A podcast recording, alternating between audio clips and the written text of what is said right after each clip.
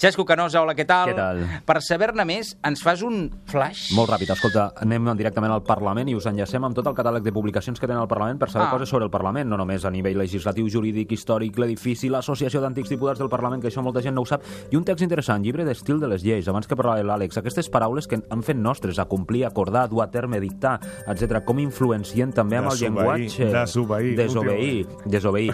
Fantàstic. I una altra cosa, escolta, un dels periodistes de GA que ha tret llibre eh, aquest any passat, Ah. L'escó invisible, Josep Maria Martí Rigau, eh, el, el periodista que durant tants anys, 14 anys, ha dirigit el programa Parlament de TV3 amb l'escó invisible que explica precisament això, el rerefons del Parlament, aquests passos perduts i invisibles. Tot a els Spin Doctors, al Saber-ne més. Punt cat.